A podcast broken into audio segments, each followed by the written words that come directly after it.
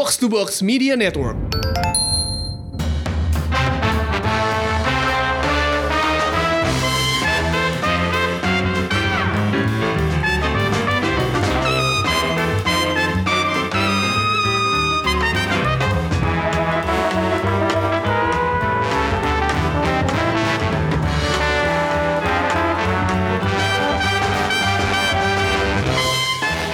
Selamat datang di Showbox Podcast. Ada gue Lisa. Dan gue Amy. Minal aidin wal faidin.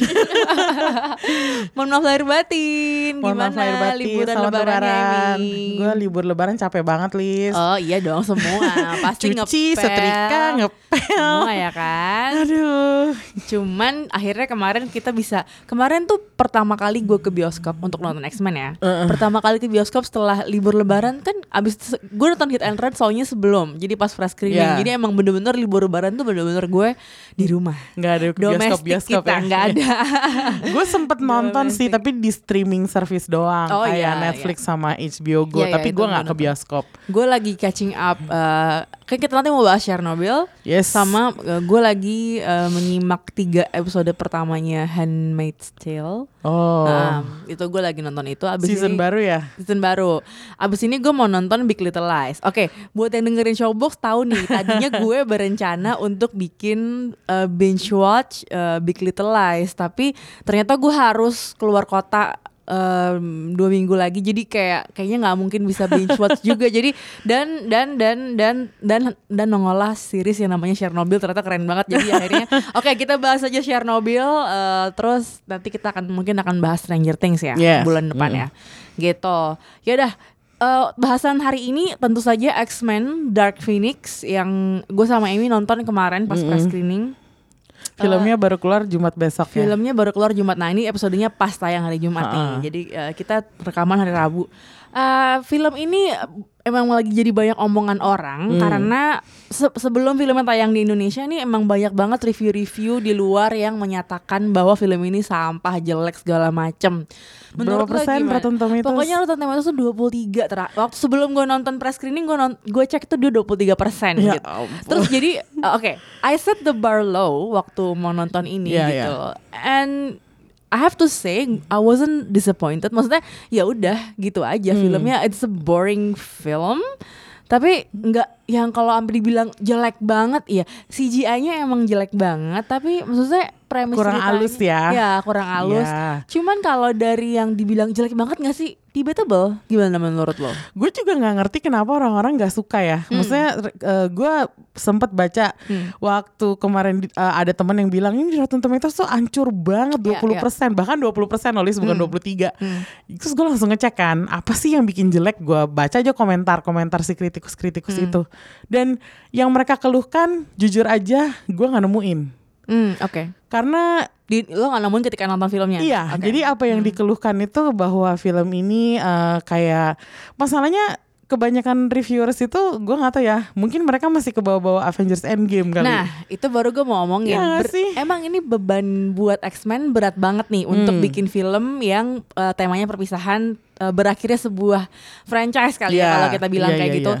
Emang ini berat banget karena tahun ini selain ada Avengers Endgame, ada juga eh, endingnya Star Wars juga nih kayaknya nih Skywalkers. Ah. Kita belum nonton Sky eh, belum nonton Star Wars, tapi kita udah nonton Endgame dan ternyata hasilnya bagus banget Iya. bagus banget dan Iya. itu memang eh, spektakular dari segala eh, sisi gitu Hmm. ya dari efeknya keren so ceritanya sangat human dan itu yang emang bikin eh, kita akhirnya yang kayak oh oke superhero ternyata bisa dramanya sekental ini dan sebagus ini gitu Iya. sekuat ini Dan secara kontinuitas Avengers Endgame itu udah dibangun selama berpuluh-puluh film ya, Iya. dua puluhan film. 22 film Ya, dan itu jadi kayak kalau menurut gue ya susah dibandingin lah ya kalau Iya. sama Avengers Endgame. Hmm. Masalahnya film-film X-Men ini juga dari sejak pertama kali muncul tahun 2000 ke 2001 ya. Hmm. eh, dengan X-Men pertama tuh kontinuitasnya tuh emang nggak pernah terlalu ketat gitu, nggak pernah rapih gitu. bukan tipikal yang kayak Marvel setahun tiga film Iya. berapa film ini kan 2000 tahun 2000 ya satu film Heeh. terus nongol lagi 2009 Iya. ya kan Terus dia juga reboot, meribut Hmm. filmnya di eh, dengan universe-nya yang udah ada Hmm. terus diribut di X-Men First Class. Ya. Setelah itu mereka gabungin lagi ke yang lama gitu. Jadi dengan Ya. cerita time travel yang agak jelimet. Jadi, Jadi, uh, timelinenya kurang iya, jelas. timelinenya kurang ya. jelas. Jadi kalau menurut gue untuk membandingkan serial film X-Men, franchise X-Men dengan Marvel Cinematic Universe sebenarnya agak salah sih. Dan Hmm. makanya kalau menurut gue Iya sih, this is the end of the X-Men franchise. Tapi Hmm.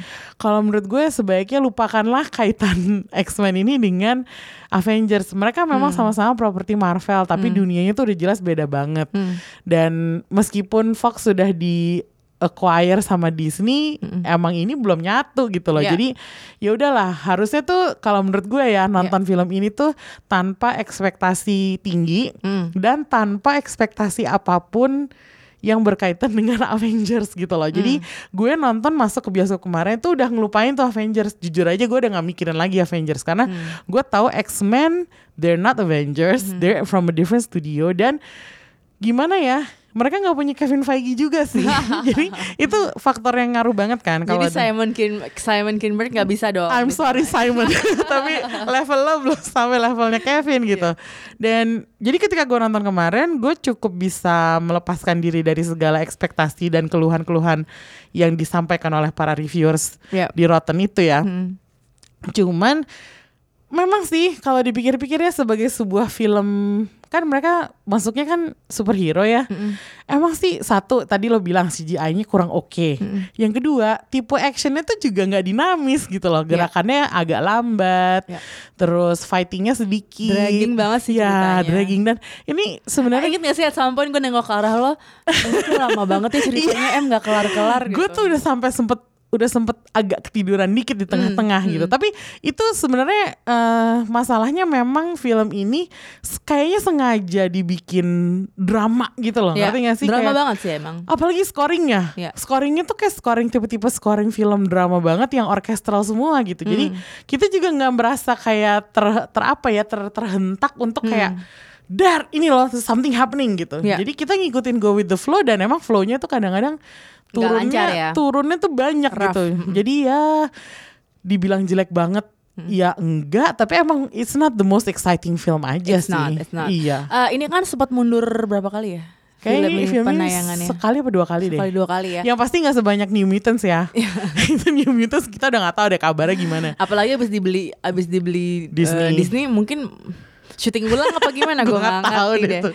Eh, anyway tapi menurut gue walaupun maksudnya gini ya kita memang tidak maksudnya kita tidak encourage lo untuk kayak oh ini filmnya jelek banget atau gimana tapi memang ini menurut gue ya ini missed opportunity sih Eh, karena memang eh, eh, lo punya kesempatan buat menyatukan mereka semua nih Ya. tapi dramanya gitu doang terus motif motifnya gitu doang eh, perubahan karakter juga nggak terlalu menarik nanti kita Ya. bahas uh, satu-satu satu-satu ya Eh, cuman ya menurut gue memang gue agak-agak tadi gue bilang sama lo sebelum rekaman kenapa sih harus ada film Dark Phoenix ini?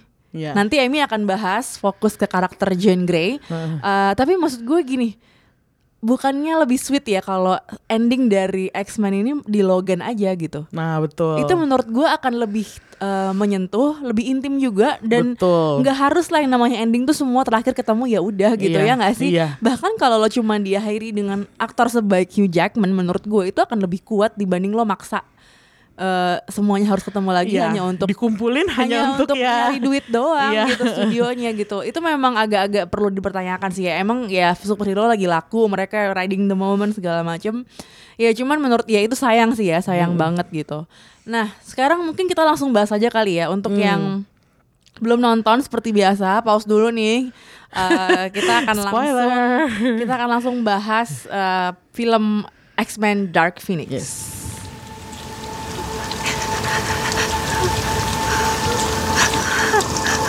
Why did you make me do that? Look at me. Focus on my voice. I'm not giving up on you, Jean. She was my friend. You're my family, Jean. Stop, no matter what. Stop, stop.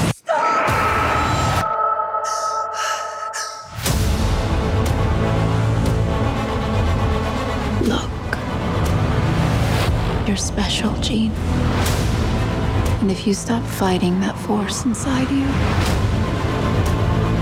if you embrace it, you will possess the very power of a god.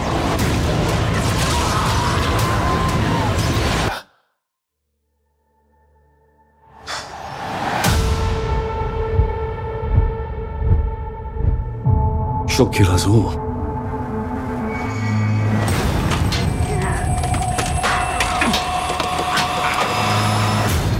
how we fix this, Charles. Tell me what to do. I don't know what to do.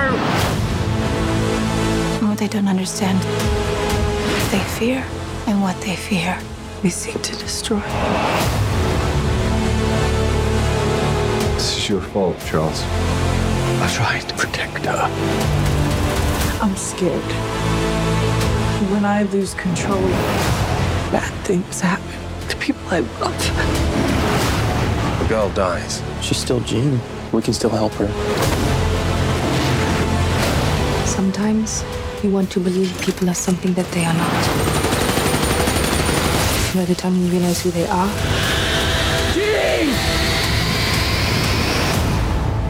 it's too late.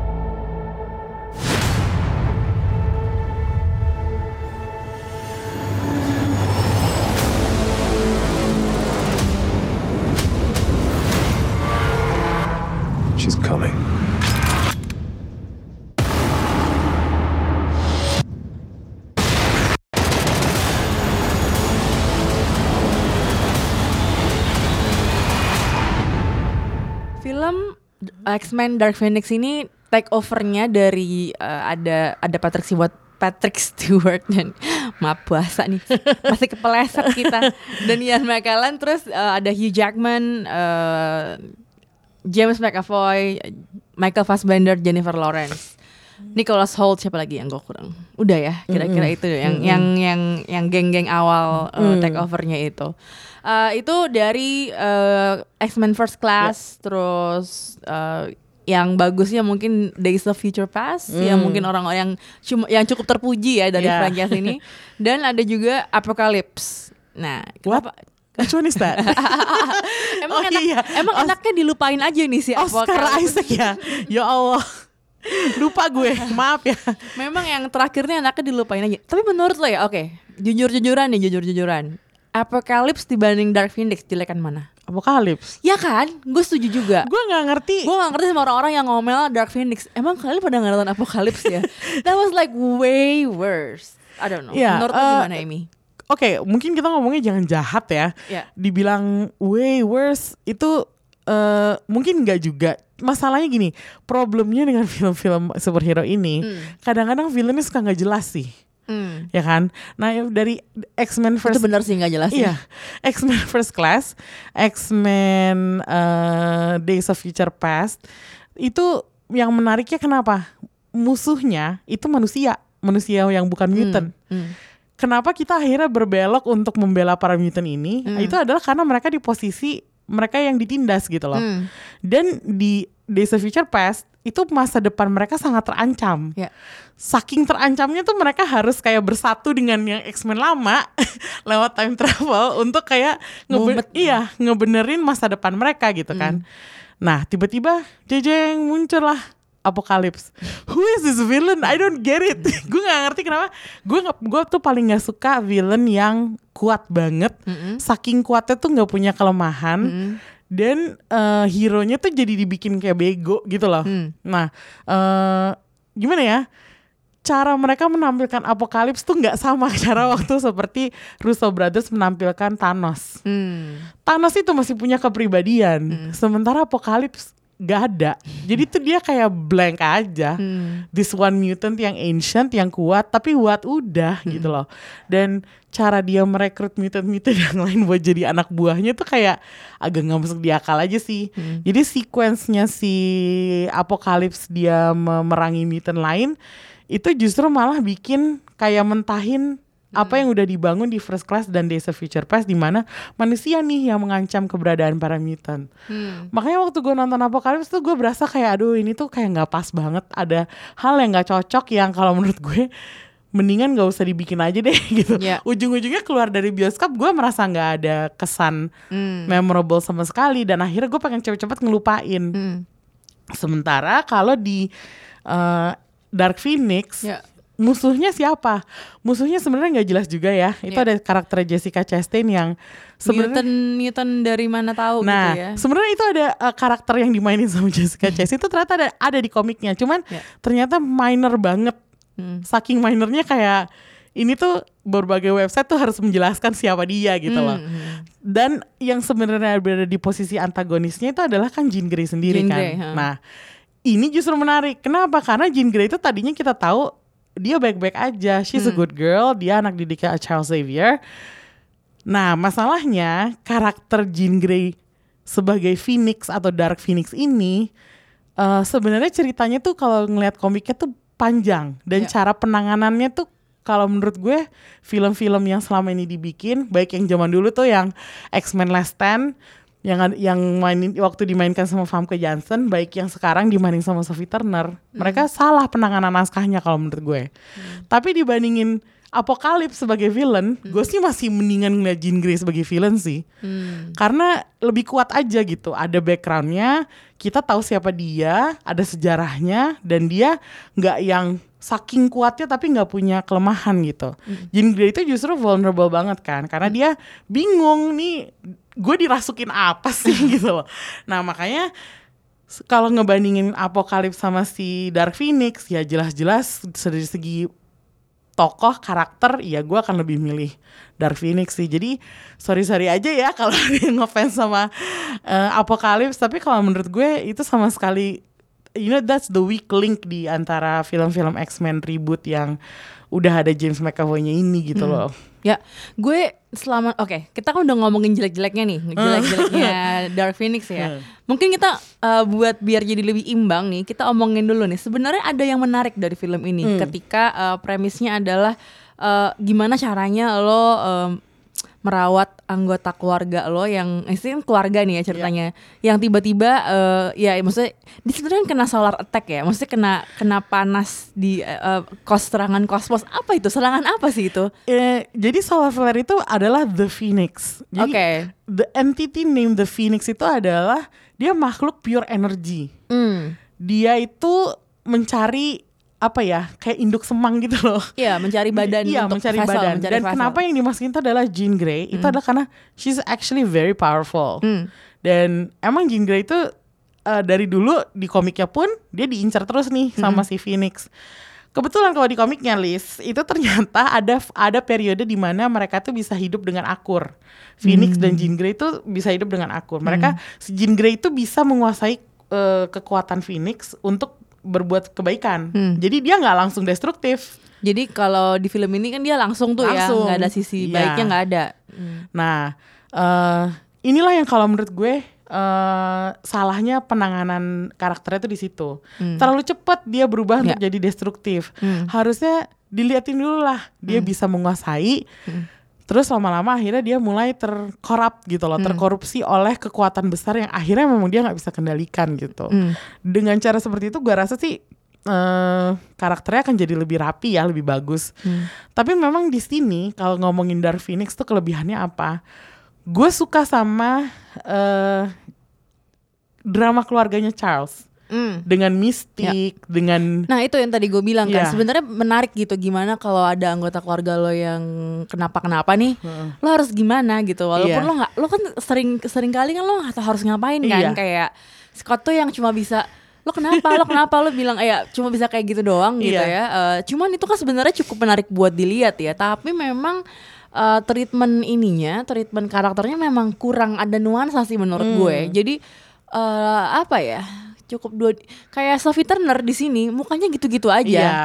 bahkan maksud gue ya oke lah di Game of Thrones dia 8 tahun gitu ya. Maksudnya dari ke- dari kecil terus terma- dari remaja terus jadi eh, dewasa gitu loh. Kita ngelihat dewasanya tuh berubahnya gitu ya. Cuman di sini tuh at least tuh ada apa nuansa lain lah selain lo cuman kayak eh, ya gitu-gitu aja kan Ini mukanya. juga kalau menurut gue problemnya adalah kita diperkenalkan di versi reboot ini kan pertama kali dengan Charles Xavier, Mystic, Beast, Magneto ya. Itu kan pilar utamanya berempat itu kan.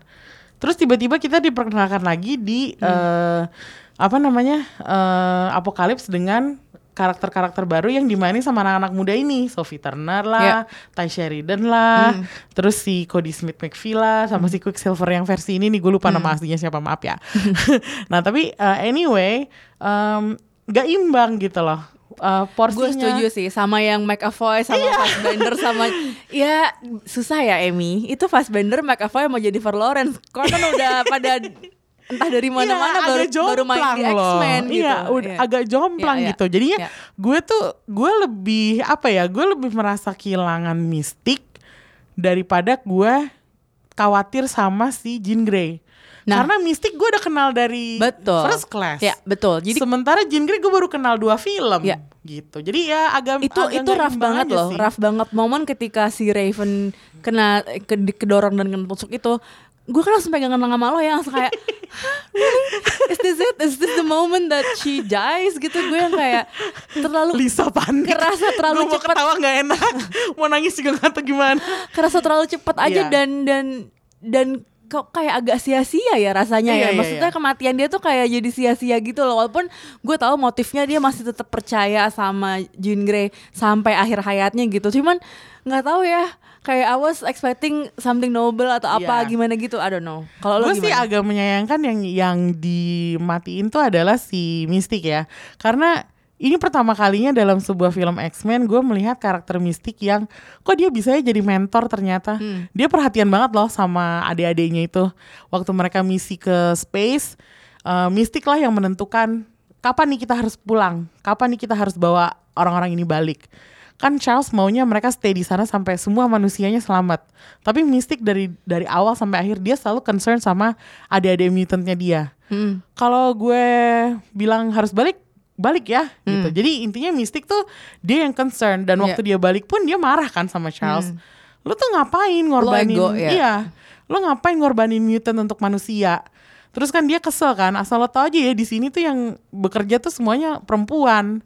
Mendingan ganti namanya jadi ex woman gitu kan. Nah, gue tuh gue merasa di situ Mystic tuh eh dia satu-satunya mutant di kalangan di antara Charles yang bisa tuh ngimbangin egonya si Charles gitu. Buktinya kan setelah nggak ada Mystic, Charles juga jadi kayak gak jelas mau ngapain. Iya. Si Beast juga cepet panas, ya capek deh. Makanya gue sebenarnya kenapa sih nggak Beast aja yang dimati? Maaf ya. Tapi maksud gue di sini menariknya adalah Mystic dari awal, dari sejak kita kenal di First Class, dia tuh udah bener-bener pejuang mutant banget kan. Iya, dan ketika dia jalan, maksudnya ketika dia jalan ke pesawat dan si Ya. Jean Grey yang kayak lo yakin sama misi ini, Nah. kalau enggak gue akan panggil lo semua. Itu Nah. wibawanya kerasa banget dan Kerasa itu banget. perubahan yang sangat eh, yang yang worth it buat ditayangkan gitu Iya. kan. Tapi ya sayangnya itu nggak kelihatan di karakter Jean Grey-nya.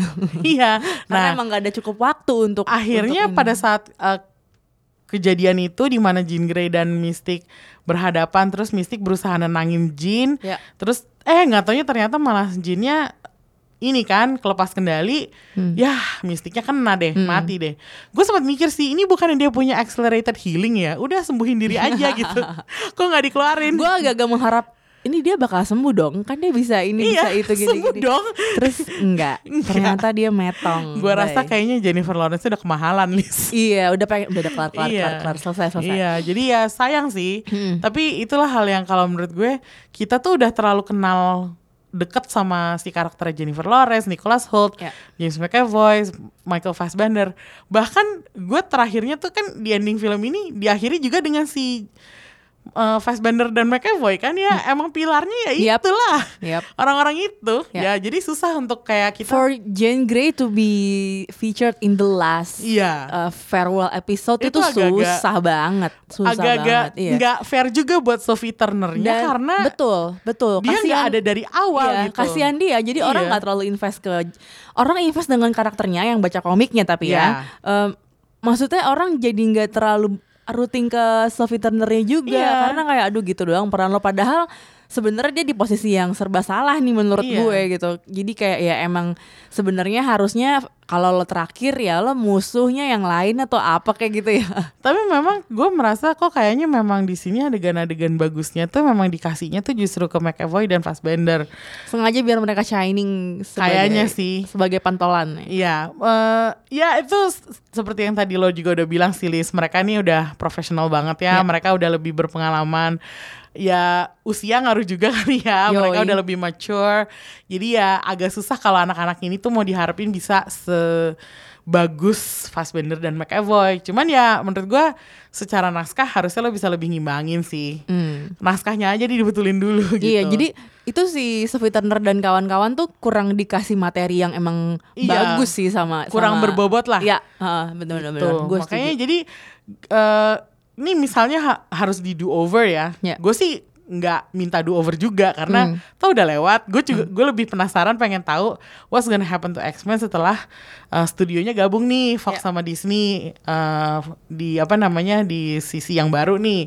Tapi kalau boleh di do over, mendingan Apokalips itu. Apokalips itu dikasih Amanda tetap. tetap ya karena di apokalips itu di endingnya nih orang-orang di internet ternyata banyak yang agak bertanya-tanya juga di Hmm. endingnya apokalips itu tuh udah ada tanda-tanda Jean Grey itu memakai kekuatan yang agak-agak phoenixy karena ada ada bentuk burungnya terakhir itu Hmm. Nah dia yang bisa akhirnya mengalahkan apokalips. Nah kenapa nggak dilanjutin dari situ? Kenapa tiba-tiba di sini dibikin Dari awal lagi, solar flare ya. lah yang ini nggak jelas siapa tiba-tiba ma- eh, merasuki si Jean Grey. Kenapa sih nggak dibikin dari pas di apokalips itu ternyata itu adalah The Good Phoenix gitu Ya, ya, misalnya. ya, ya, ya. Nah sekarang yang di Dark Phoenix adalah The Bad Phoenix gitu. Rulesnya emang kurang jelas ya. Maksudnya Iya. rules tuh maksud gue gini loh, biar lo bisa lebih invest di film. Sebenarnya harus jelas nih. Oke, ini si musuhnya siapa nih? Si mutant ini siapa nih? Ha-ha. Terus kayak eh, back backstorynya mungkin lo kasih lebih lebih Iya. lebih banyak lagi gitu loh. Biar lo bisa ngerasa terancam juga dengan keberadaan mereka gitu loh. Ketika lo ini kita ngomongin Jessica Chastain ya. Oke, dia porsinya lumayan banyak di sini. Cuman ya udah gitu doang kayak Iya nggak jelas juga kan? gue mau bilang dia wasted dia screen time-nya banyak tapi kok perannya nggak nggak nggak meninggalkan kesan gitu ya Iya. menurut lo gimana sih Jessica Chastain aduh gue sih kasihan banget sih sama Jessica Iya. Chastain di sini. Lebih kasihan lagi dia daripada Sophie Turner sebenarnya. Iya. Hmm. Karena ini nama Jessica Chastain loh. Iya. She's like a, dia lebih lebih tinggi lagi kan Hmm. kalibernya daripada si Sophie Turner. I mean with all due respect to Sophie Turner, Iya. ya eh, Sophie Turner masih bisa dibilang dia masih muda. Iya. Bintang TV juga dan sementara- baru baru Iya. aja venture ke film sebenarnya Sementara Jessica Chastain, Yup. oh CV-nya kan udah panjang banget ya. And she's actually a really good actress. Iya. Gue tuh paling sebel kalau film-film Hollywood tuh nggak tahu caranya ngehandle good actresses like Jessica Chastain. Nah itu kalau yang dibilang sama Raven disuruh jadi ex-woman Gue bilang aduh jangan deh Ntar lo pada gak bisa nulis ya Udah lah X-Men aja X-Men aja udah Aduh, Gue langsung gua- pes- apa, pesimis gitu Bukannya kita Iya, nggak iya, berpihak iya. sama perempuan ya Of course Cuma maksudnya eh, pesimis gitu Karena Karena sejauh- jarang ada kan yang bisa nulis cewek gitu kan. Dengan dengan bagus gitu Iya, ya Dengan ha-ha. dengan dengan dimensinya ke- kedalamannya ada Dimensinya Iya. ada gitu Makanya gue kemarin eh, kan waktu pertama kali Jessica Chastain diumumin sebagai villainnya Dark Phoenix kan semua orang wah she's gonna play siapa? Ya. Dia akan waktu itu kalau nggak salah berita awalnya dibilangin dia akan memainkan Empress Lilandra. Eh, Lilandra ini eh, gue juga bukan pembaca komik X-Men ya. Ya. Gue baca komik tuh lebih ke Captain America, ke Iron Man, Guardians of the Galaxy gitu. Jadi gue sejarah X-Men juga kurang sebenarnya nggak 100% paham. Tapi setahu gue yang nama Lilandra ini no- lumayan gede. Tapi ternyata that's not who she's playing gitu. Dan gue nggak ngerti siapa yang dia mainin sampai akhirnya gue selesai nonton film, gue pulang ke rumah, gue buka Google, terus gue baca tentang karakter dia. Karakter dia tuh namanya Vuk. Like who is this Vuk gitu. Ternyata Vuk itu aslinya karakter cowok Ah yang akhirnya dibikin cewek. Masalahnya kan di film shapeshifter nih. Ya. Karakter eh, alien-alien yang datang ke bumi terus tiba-tiba kayak ngambilin badannya orang-orang Ya, gitu kan. ha. Bisa jadi aslinya emang laki tapi terus ketemu sama Jessica Chastain, wah nih cakep nih gue ambil aja badannya gitu kan kita nggak ngerti gitu. Masalahnya itu nggak dijelasin sama sekali. Dan eh, tiba-tiba dia bercerita oh eh, home planet gue dimakan sama si Phoenix, dibakar sama si Phoenix. Apa itu home planetnya? Lo kalau nonton film Dark Phoenix, lo nggak ini penjelasan tuh singkat banget, Ya. bisa kelewat. Dan akhirnya gue baru belajar di rumah ternyata oh nama planetnya dia tuh Debari. Hmm. Dan setelah gue cek, Debari itu munculnya cuma di komik tuh cuma satu panel doang. Minor banget kan. Ya. Sementara si Lilandra itu kalau nggak salah dia tuh dari eh bangsa alien tuh namanya Shiar. Yang mana ini Shiar nih eh, Dakwah. dia Bercanda, dia bercanda. segede se eh, apa gedenya tuh segede kayak eh, Kree atau Hmm. scroll gitu. Jadi maksud gue itu uh, Debari nih like ya bisa dibilang kacangan ya. Yup. Mungkin dipilih karena itu memberikan mereka kebebasan buat bikin creative license gitu. Iya. Jadi nggak harus ngikutin komiknya plek-plek, dia bisa bikin terserah dari mau bikin kayak gimana gitu. Hmm. Cuman yang beritanya tadinya udah diheboh-hebohin Jessica Chastain bakalan mainin ini, peran dia bakalan gede banget, terus tiba-tiba jeng, cuman gitu doang. Iya, sangat Iya. gak berkesan sih. Iya, sangat gak berkesan. akhirnya kan kita kecewa juga Iya, ya. uh. Makanya gue bilang, ya kalian kayaknya bisa deh simpen budget, nggak harus Jessica Chastain, tapi budget dikasih aja tuh ke CGI-nya biar lebih bagus. gitu. Nah, itu kalau kita mau ngomongin CGI dari awal sih udah parah banget. udah udah yang oh, kok gini sih CGI-nya bisa. Maksudnya Iya. gue nggak ngerti sih itu ada apa ya. Lo sempet ini gak sih riset riset soal kenapa CGI-nya separah itu? Gue rasa sih kayak mereka di bagian post pro-nya emang problematic. Mungkin inilah yang menyebabkan kenapa filmnya delayed. Hmm, Jadi mungkin ya. mereka either fundingnya dicabut karena Ya. mau dibeli sama Disney atau gimana. Gue nggak ngerti lah. Dan jujur Drama aja, akuisisi. gue nggak ngerti seberapa ngaruhnya ya akuisisi Disney terhadap Fox itu mempengaruhi film-film seperti ini, terus juga seperti ini Mutants. Tapi gue yakin ada pengaruhnya paling nggak dikit lah. Gue sih cuman takut gara-gara rumor akuisisi itu pada saat itu mungkin fundingnya agak diberhentiin dikit gitu kali ya karena kelihatan kasar banget sih CGI-nya itu worrying loh. Gue pas nonton Iya. ini kayak what? Kayak ini Iya. serius nih. Masalahnya kadang-kadang kan kalau ya itu yang tadi gue bilang eh, apa Beast itu karakternya Nicholas Holt kan dia suka loncat-loncat tuh kalau jadi eh, makhluk biru bernama Iya, Beast iya. itu. Masalahnya itu kelihatan banget seperti dia tuh ditarik sama tali gitu. kayak gerakannya tuh nggak smooth, kayak kurang di kurang dipoles aja gitu. Gue nggak ngerti kenapa ya. Mungkin apakah Gue ya gak tahu deh itu, itu parah sih. bagian stuntnya juga kayaknya apa diperkecil apa apa dikurangin eh gue nggak tahu deh Lis teman Iya. itu agak mengkhawatirkan memang Iya, sih Gue pas nonton ini, gue gue kok jadi lebih khawatir sama CGI-nya karena dari awal udah begitu gitu loh kayak waduh Iya. kok ini begini banget tapi ya. tapi iya. untungnya sih kalau menurut gue yang akhirnya bisa menyelamatkan tuh di eh, third act-nya tampang cakepnya Sophie Turner emang cakep ya udahlah udah mau diapain juga cakep dia. tapi di third act-nya ada tuh di bagian di kereta itu cukup nakutin sih waktu mereka Hmm. diserang sama si Debarinya itu yang udah shape shifting jadi manusia Hmm. nggak mati-mati bo ya, di kayak gimana juga nggak mati-mati gue bilang ini dasar nih emang pengaruh naik gue rada berharap, gue rada berharap ada dengan berantemnya lebih lebih bisa koreografinya bisa lebih agak Iya. ditingkatin dikit tapi ya udahlah ya karena mungkin udah udah, udah mau kelar nih. Dar dedornya sih lumayan ya dan ya, itu ya maksudnya di situ mulailah suaranya mulai bising kenceng. Gue paling excited gitu. cuma pas polisinya ngelepasin para mutants. Oh Udah. iya. Apa abis itu kayak it's all downhill from there gitu loh. yang mereka bilang, "Ayo ayo eh, lepasin kita Iya. supaya kita bisa bantuin." Iya betul. Nah, Dan itu butuh waktu yang lama juga. Mereka nggak dilepas-lepasin kan. Akhirnya Iya. setelah tersisa satu gue udah gemes ya udah lepasin. Iya lepasin aja tau. sih gitu. Ya. Oke, kita ngomongin udah ngomongin eh, Jean Grey, udah ngomongin eh, Raven ya, udah tadi ada Jessica Chastain juga gitu. Kalau si Charles Xavier menurut lo gimana? Ini kan eh, beloved karakter eh, James Ya. McAvoy. Eh, dia di episode di X-Men Dark Phoenix sangat terlihat diva. Oh divanya keluar banget tuh. diva banget eh, karena dia jadi kayak semacam apa seleb ya intinya ya diundang Iya. presiden terus dapat penghargaan segala macam Tapi- dan disindir juga sama Raven kan kayak lo sekarang udah enak-enakan Iya. ya lo malah membahayakan kita kayak gitu Di sini gue nggak tahu kenapa gue lebih menantikan Magneto ya. Karena di sini Magnetonya Hai waktu pas bener keluar dia kayak hai akhirnya lo keluar juga Magneto di sini lebih kelihatan leadershipnya. Ya. Dia waktu dia bingung kenapa Jean Grey datang ke tempatnya dia. eh bener sih dia nanyain what are you doing here? Terus dia mempertanyakan kan itu Iya. darah siapa di baju lo? What's happening? Gitu kan. Terus dia si Jean Grey nggak mau ngaku kan sampai akhirnya dikejar lah sama tentara manusia datang dan pada saat itu pertama kalinya loh dia gue ngeliat Magneto ngebela manusia.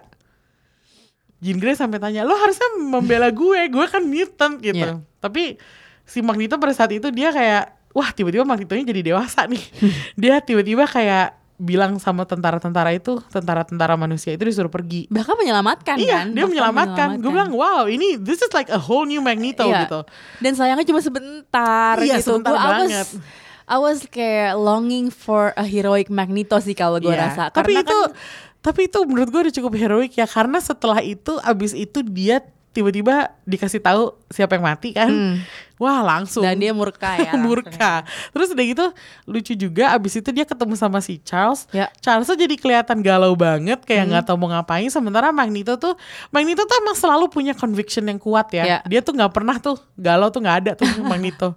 nggak ada dia selalu Ya kebayang Iya. Fassbender, Fassbender galau tuh gimana he knows what he's doing ya. So jadi Magneto tuh kayak gue gak tahu kenapa di sini tuh gue emang sangat mengagumi Magneto. Jadi ngelihat kontrasnya sama si Charles Xavier, gue merasa aduh Charles lo tuh emang kayaknya emang udah harus udah retire aja sih gitu. Dan akhirnya bener dong di retire. Akhirnya Menyerah lah. Akhirnya tapi ketemu lagi kan sama, Iya, sama dan itu endingnya cukup sweet sih Iya, dan sebenarnya. itu memang ending yang itulah ending yang kayak tadi lo bilang. Kita tuh nggak perlu uh, ngelihat apa yang terjadi sama Jean Grey, Cyclops atau yang lain-lainnya itu. Kita cuma perlu pilar, utamanya aja, ya. which is Magneto dan Profesor Cha- Profesor X gitu. Ya. Jadi ya emang dari awal ceritanya kan berdua itu ya. Ya ya udah. Emang dinamikanya yang dinanti-nanti ya kalau X-Men ya mereka berdua itu. Iya. Dan gitu. toh akhirnya mereka berdua nggak ngomongin kan apa yang terjadi dengan si mutan-mutan lainnya. Mereka ngomongin apa yang terjadi sama mereka selama ini. Iya, de- akhirnya mereka juga pedulinya sama Iya. masing-masing. Iya. Ya. Eh, Raven oke lah ya tadi udah dibahas dikit gitu ya. Eh, udah lebih berwibawa Iya. sekarang gitu. Mungkin kita ngomongin Hank kali ya. Wah. Eh, Nicholas Hoult D- eh, dari awal terus sampai sekarang menurut lo karakter ini gimana? Sebenarnya ya, gue tuh gue tuh eh, dari dulu sampai sekarang merasa Hank itu harus punya peran yang lebih gede. Karena Ya, dia, itu kayak jadi sidekick terus gitu Iya, ya. dia Jadi selalu posisinya kan kayak sidekicknya Charles Xavier terus kan. Padahal sebenarnya dia itu leader juga loh. Kalau di antara kalau di komiknya apalagi ya, terutama ya, eh, dia itu orang yang karakter yang cukup dihargai dan dihormati di antara komunitas superhero gitu. Iya. Dan apa? Gue tuh em, agak sebelnya di film ini dia masih tetap ditaruh di posisi sidekick. Dan bahkan sama Raven pun, Raven Mystic ya, Ya. dia masih masih tegesan Raven dan Mystic Kayaknya gitu. emang itu mereka saling melengkapi sih Iya sebenarnya. tapi Karena kayak- makanya begitu kehilangan tuh kayak dia langsung men- sebenarnya menurut gua agak mengharukan sih karakter Hank di Dark Phoenix karena Marah ya awalnya dia. iya awalnya kan dia berduka banget nih yang Ya. emang kayak sedih segala macem sampai tiba-tiba eh, dia akhirnya oke I have to do something about my loss dan dia jadi marah dan lari ke Eric gitu. Eh, sebenarnya itu cukup mengharukan gitu. Cuman ya karena film ini emang buru-buru itu nggak Nah, kegali dengan baik. sebenarnya- Padahal itu menarik banget. Sebenarnya.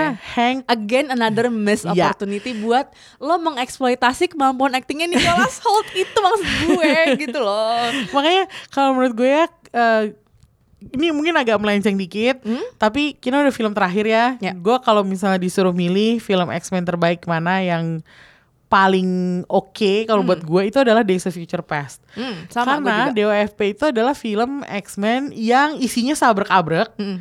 tapi karakterisasi tokoh-tokoh utamanya pas banget, termasuk Hank Hmm. di situ. Dan gue salut sama eh, cast dan kru DOFP yang bisa meskipun perannya pada kecil-kecil tapi mereka ninggalin kesan. Kayak ad- di situ ada Peter Dinklage ya kan? Di situ ada Halle Berry juga. Kita emang nggak ngeliat banyak dari orang-orang ini. Eh, tapi mereka meninggalkan kesan. Dan di situ Hank yang dia kerja sama bareng sama si Eric sama si Charles juga eh, itu tuh porsinya pas. Eh gue mau nanya dong, menurut lo ya, Ya. Ini peran-peran kecil yang ada Halle Berry, terus ada Peter Dinklage, itu menurut lo meninggalkan kesan apa? Karena skripnya bagus atau karena kemampuan aktingnya oke banget. Kalau menurut gue dua-duanya list. Oke. Kebetulan di DWFP itu Hmm. kayaknya sih kalau menurut gue it had the advantage of being a good script dan mereka berhasil ngedapetin pemeran yang pas. Ya ya ya ya. ya. Dan mereka tuh pada saat itu gue nggak ngerti gimana mereka tuh berani banget bikin cerita time travel. Padahal kan jelimet ya. Pada itu sebenarnya gue nonton Days of Future Past tuh kayak dua kali deh karena yang pertama yang kayak Ya, gimana hah? gimana Gitu kan, gitu. Tunggu, tunggu, tunggu. Tapi pada akhirnya bagian time travelnya tuh kayak akhirnya lo terima aja. Ya. Gue sih waktu pada saat sama itu kayak Endgame terima aja guys. Gue menerima aja karena gue sangat terpukau dengan karakter dan dinamika antara karakter itu gitu loh. Hmm. Dan gue tuh seneng banget ngeliatin adegan yang Charles tua dan si James McAvoy saling berhadapan, terus Hmm. mereka kayak mind melt gitu. itu kayak nggak tau kenapa adegan itu sampai sekarang gue masih masih inget gitu. Hmm. Dan apa ya epic aja gitu mereka bisa ngegabungin X-Men lama sama X-Men baru. Sebenarnya pada saat itu kalau udah mau selesai, udah abis, Ya. itu abisin aja. Hmm. Abis itu Logan kayak ya itu nggak apa-apa, gue Iya, udah nggak iya. nggak ada masalah. Sih, yang Ya gue kan? bilang ya udah dari dari sebenarnya dari Days of Future Past terus ke Logan udah pas nih. Iya, udah pas. Kita nggak ngitung Deadpool ya, karena Iya. kan itu memang beda sendiri. Cuman Deadpool memang, kan uh, memang agak-agak metafictional Iya, juga iya, gitu iya. Dia kan Jadi ya udah lah ya. universe sama, cuman ya beda lah Iya. gitu. Cuman kalau diakhiri dengan Logan menurut gue manis banget malah. Iya. Jadi kayak oh ya udah gitu kayak nggak perlu megah farewellnya nggak perlu apa cuman kayak oke gitu. Iya, jadi intinya adalah it all went wrong during apocalypse. yang menurut gue itu gak usah dibikin sih Ya, harusnya. gitu deh. Tapi karena udah dibikin ya, ya ya udahlah ya, Gitu. diterima aja.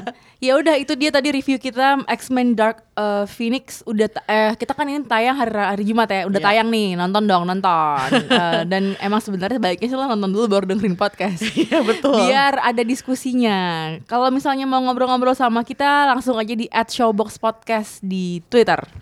Di Yes. Twitter, kalau nggak ke box to box ID juga bisa yang yang gampang-gampang aja lah gitu. ada tambahan nggak Emmy? Apa ya? Si em, Dark Phoenix sebelum ditutup nih.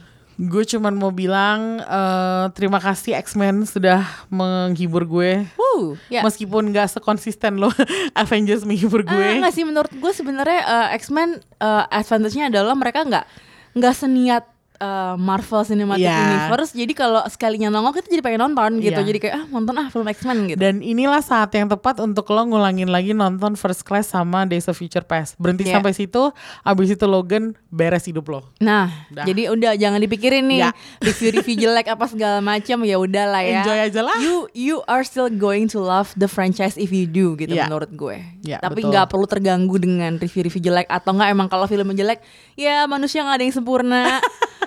Charles Xavier aja tahu dan you're not broken. you're just bad. ya udah, thank you banget udah dengerin Showbox. Bye bye. Bye.